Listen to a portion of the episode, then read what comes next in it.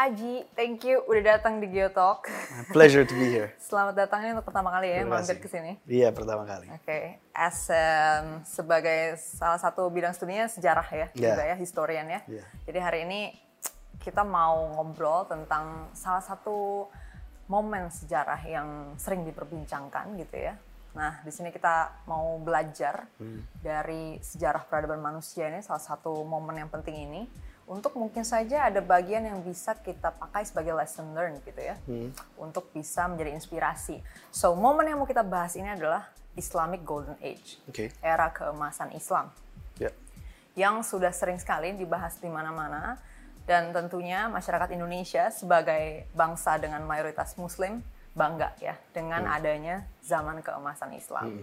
Nah, sekarang mungkin Aji bisa cerita secara garis besar gitu Ya. ya. Zaman keemasan Islam ini seperti apa sih gitu ya dan ah, bagaimana yang eh, dinamika masyarakatnya pada saat itu misalnya ya. secara Oke, em, pertama terima kasih udah eh, mengundang saya di sini. Eh, menarik sekali kalau berbicara tentang zaman keemasan eh, Islam. Eh, tapi terlebih dahulu sebelum saya berbicara tentang eh, seperti apa zaman keemasan itu, secara konseptual kita juga harus pahami konsep zaman keemasan itu sendiri itu juga cukup problematik. Eh, artinya begini.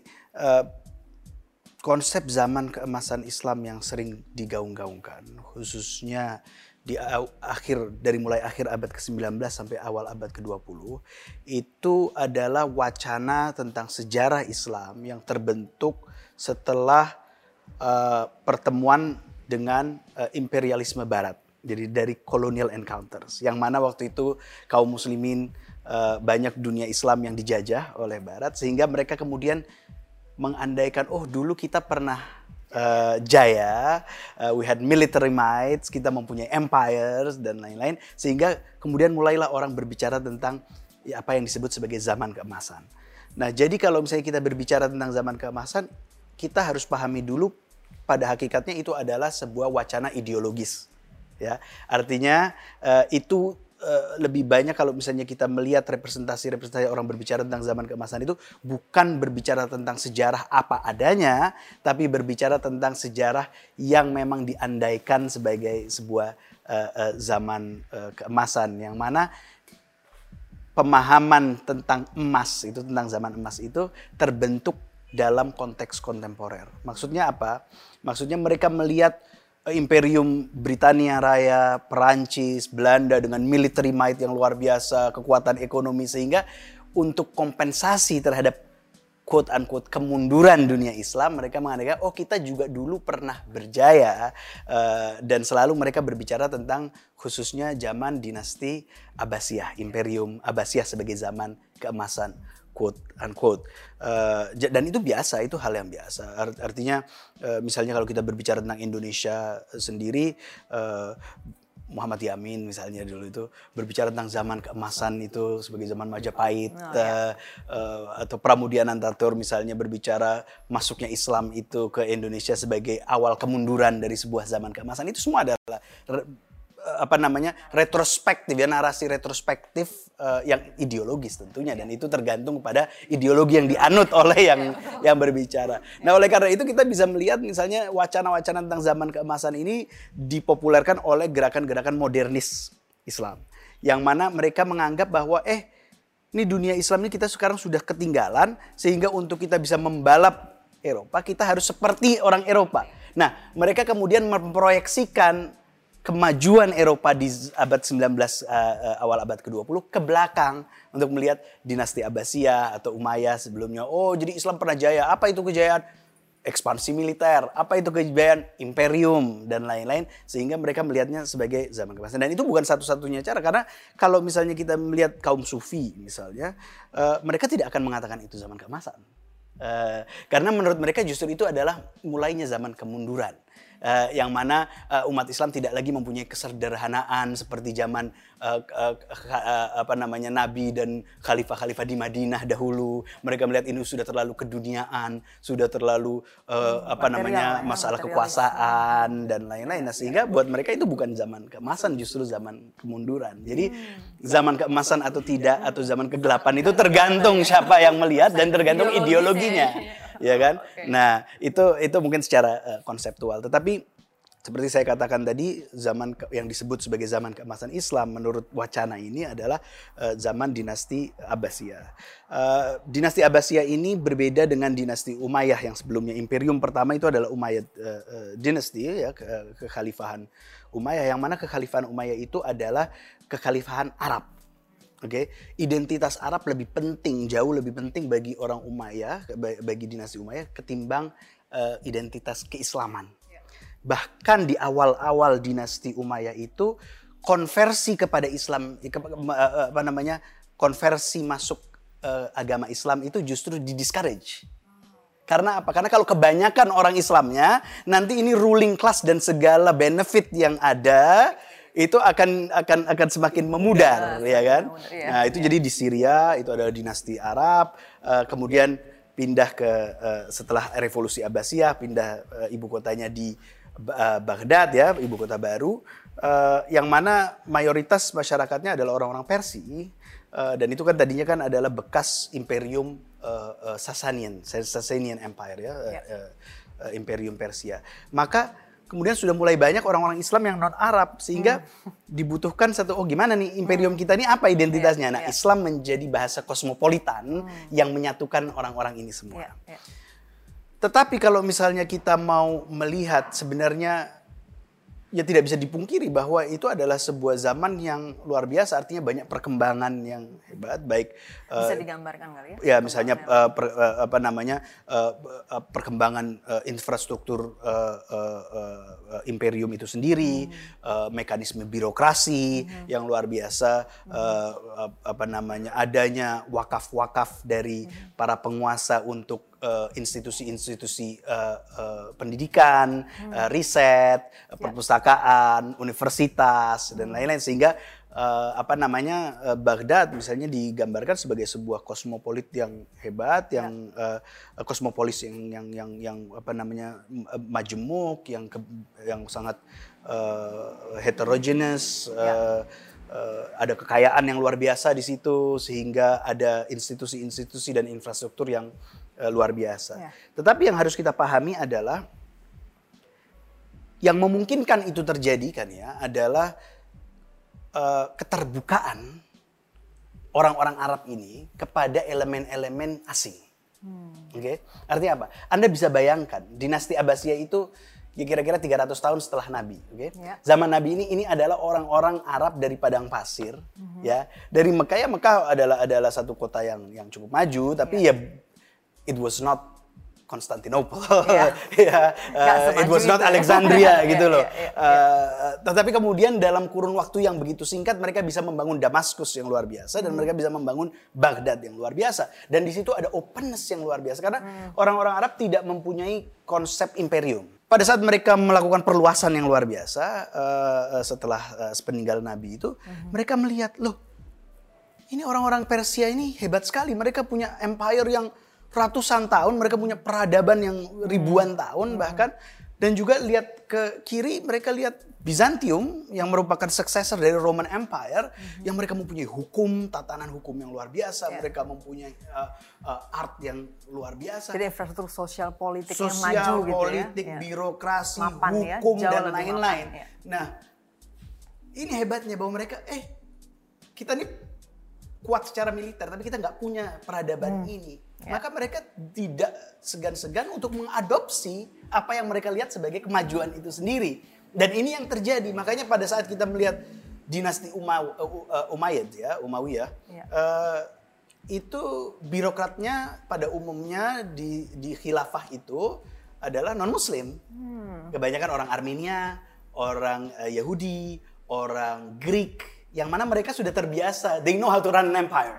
Jadi mereka tidak anti terhadap the idea of ada orang-orang non-muslim yang masuk juga ke dalam sistem gitu ya. Loh, ya enggak lah karena mereka tahu kita nggak ngerti sistemnya. Ini orang-orang yang sudah ratusan tahun, bahkan kan kalau zaman dulu itu kan namanya eh, keluarga itu biasanya bapaknya birokrat, anaknya kemudian jadi birokrat, cucunya jadi birokrat. Itu kan ada ada sistem Di Indonesia stratifikasi mas- masih sosial. ya, ya. Masih seperti itu. Nah, terus ini orang Arab nggak ngerti Bukan aku bagaimana. yang ngomong. orang Arab nggak ngerti itu apa itu birokrasi. Mereka ngeliat oh ini orang-orang Yunani ngerti birokrasi, ngerti Ah, hukum. iya, iya. Ya udah kita ambil aja. Why don't we learn from them gitu ya? Ya, jadi yang ingin saya katakan adalah biasanya ini ini ini adalah satu- salah satu karakter dasar uh, uh, imperium premodern itu adalah pada saat mereka menaklukkan satu wilayah, mereka biasanya hanya mengganti top leadershipnya saja. Tetapi sistemnya, birokrasinya sampai ke bawah itu tetap dijaga dan tidak diganti. Karena mereka mau stabilitas, mereka mau kontinuitas, ya kan? Inilah misalnya kalau kita bandingkan dengan Amerika waktu datang ke Irak, eh, waktu toppled Saddam Hussein, eh, mereka habisin itu Baath Party, akhirnya negaranya semerawut ancur-ancuran karena ini orang-orang Baath ini yang sudah mem- Yang udah eh, ini sudah infrastruktur memegang ya, infrastruktur birokrasi yang sudah yes. puluhan tahun kan, Anda hancurkan semua itu ya Anda harus membangun dari awal. Itu yang Iya. tidak dilakukan oleh orang Arab di uh, periode awal. itu. Yang disebut tadi Islamic Golden Age oleh Uh, uh, Islamic Golden Age. yes. Begitu juga Abbasiyah di Persia ya di di daerah uh, Irak dan Persia. Mereka lihat orang-orang Persia sudah sangat maju, uh, mereka mempunyai hukum, mereka mempunyai ini ya udah mereka digunakan dan mereka mempunyai uh, secretarial culture yang luar biasa, sastra yang luar biasa. Mereka gunakan itu untuk membangun uh, imperium uh, mereka. Bahkan kalau misalnya kita lihat um, salah satu kitab fikih ya, kitab hukum Islam yang kita sebut sebagai hukum Islam sekarang eh, awal itu namanya ada Kitab Al-Kharaj. Itu Book of Taxation, eh, hukum perpajakan eh, yang ditulis oleh muridnya Abu Hanifah namanya Abu Yusuf. Kalau kita buka eh, kitab itu ya, orang sekarang menganggap itu adalah hukum Islam. Eh, tetapi kalau kita baca eh, dan kita lihat misalnya dengan kitab-kitab hukum pajak eh, eh, Imperium Sasanian, itu seperti copy paste. Eh, ya kan? Ya, Eh, cuman kemudian ditambah-tambahin saja. Jadi Mungkin lebih ada sedikit adjustment. lah ada ya, gitu adjustment. Jadi artinya ya disesuaikan dengan ini. Jadi bukan ini adalah mereka bisa membangun imperium eh, yang kemudian disebut sebagai zaman keemasan karena mereka mempunyai saya pikir keterbukaan yang luar biasa terhadap apa yang mereka lihat sebagai sesuatu Kebaikan-kebaikan yang dari, baik eh, yang ada di berbagai dalam kultur lain. Ya, ya kan. ya, ya. Walaupun misalnya eh, kelompok-kelompok yang lebih Puritan dalam tanda kutip eh, suka marah juga eh, ah ini sih Islam namanya doang capnya doang ini yang disebut khilafah ini Islamnya cuma capnya doang. Jadi kalau kita lihat ada mirroring proses. Empire itu seperti apa sih? Oh Romans nih they know how to build an empire and they Ya, know what ya, an empire. ya. jadi kalau kita mau jadi empire ya kita harus seperti mereka juga. Itu yang tidak kita eh, imajinasikan sekarang Eh, eh, misalnya orang-orang yang pro khilafah dan lain-lain tidak akan mengimajinasikan khalif yang seperti itu but that's how it Meniru was suatu kaum gitu kan. ya. karena ada mirroring Iya. mirroring proses Iya. itu Jadi justru kalau dari cerita tadi dari cerita Aji di sini kita lihat bahwa ada keterbukaan yang luar biasa tadi Ya. sehingga justru masyarakat Islam di sini ada percampuran nilai dari mana-mana tadi ya Ya, justru ya. ya. Eh, dan, dan dapat banyak lessons tadi dari berbagai macam peradaban yang lain Ya. dan tidak eksklusif justru Nggak, tidak, tidak. menutup diri dari tidak menutup diri eh, se- sejarawan besar Islam eh, yang namanya Ibn Khaldun eh, dia menulis mukaddimah Introduction to History yang dia berbicara tentang apa sih ilmu sejarah itu yang ini adalah buku yang dianggap oleh eh, eh, kita yang belajar sejarah di barat pun menjadi salah satu foundational text in historiography seperti Herodotus dan lain-lain. Eh, dia bilang salah satu karakter dasar tradisi eh, kesarjanaan eh, Islam abad pertengahan adalah mereka tidak pernah eh, mereka berasumsi bahwa yang namanya hikmah itu adalah sesuatu yang netral, yang neutral dan itu bisa ditemukan di mana-mana. Dan memang juga ada ada ada hadisnya itu ada hadis Nabi yang mengatakan bahwa al hikmah doyatul mukmin, eh, eh, dolatul mukmin. Eh, hikmah itu sesuatu yang hilang dari umat maka di mana saja kamu ketemu kamu ambil gitu kan. Maka kita lihat di zaman eh, eh, Abbasiyah tadi Imperium Abbasiyah apa sih salah satu simbol dari zaman keemasan yang selalu dilulukan orang adalah sebuah institusi yang namanya Baitul Hikmah, the House of Wisdom. Itu adalah satu institusi library dan research Ya, institute ya, yang dibangun oleh eh, Khalif eh, Khalifah Al-Ma'mun. Yang dianggap sebagai salah satu dokumentasi pengetahuan terbaik gitu kan saat Iya, itu. iya. Dan kita lihat misalnya siapa yang bekerja di situ bukan hanya orang Islam, justru direktur pertamanya orang Kristen. Eh, eh, eh, dan banyak di situ mereka mempekerjakan orang-orang Yahudi dan lain-lain. Karena orang Yahudi ini kan mereka tinggal berpencar di mana-mana. Jadi mereka biasanya menguasai lebih dari satu bahasa. Iya, Nah, jadi mereka they are the natural translators, gitu Iya. kan.